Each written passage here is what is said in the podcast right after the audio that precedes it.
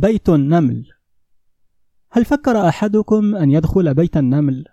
صدقوني إنها ستكون زيارة مثيرة أكثر إثارة من الصعود إلى الفضاء والتجول على القمر إن النمل حشرات صغيرة جدا لا تزيد على مليمتر ومع ذلك فهي مهندسة معمارية عظيمة تبني القلاع والحصون والغرف والدهاليز والمخازن وتهندس بدرومات كاملة تحت الأرض.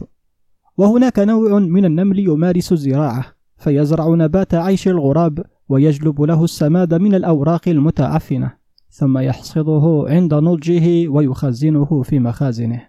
وهناك نوع آخر من النمل كيميائي متخصص يمضغ الخشب ويحوله إلى نوع من الكرتون ثم يبني من هذا الكرتون طرزا هندسية معمارية عجيبة.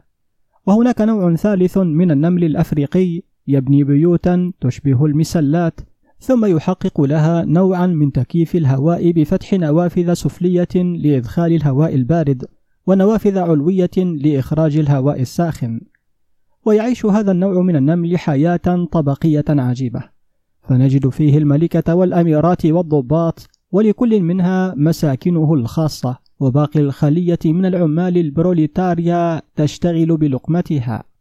وهناك نوع آخر من النمل المحارب المقاتل الذي يهجم في جيوش مثل التتار على هذه القصور فيقتل الجيش والحراس ويستولي على مخازن الطعام والتموين وينقل البيض ويتعهده في بيته حتى يفقس ويخرج منه النمل الصغير فيجعل منه خدما وعبيدا في مملكته.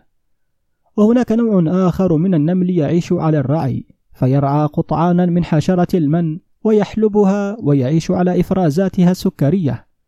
وللنمل لغة يتخاطب بها وبدون هذا التخاطب ما كان يمكن أن يوزع الوظائف ويقيم نظاما اجتماعيا تتباين فيه الاختصاصيات. وعلماء البيولوجيا يقولون لنا أن النمل يتخاطب عن طريق القبلات بلغة كيميائية خاصة يفرزها مع اللعاب. وبدل الحروف المنطوقة هناك درجات وأنواع مختلفة من المذاق.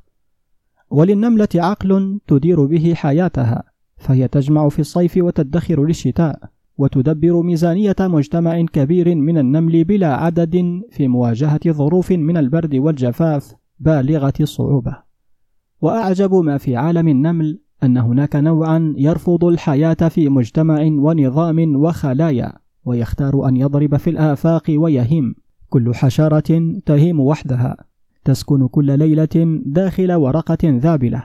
فإذا طلع النهار هجرت مسكنها ورحلت إلى مسكن آخر.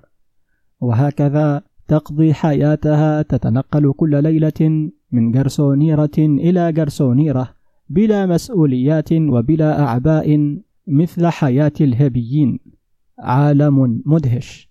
صدقوني ستتعلمون الكثير إذا دخلتم بيت النمل.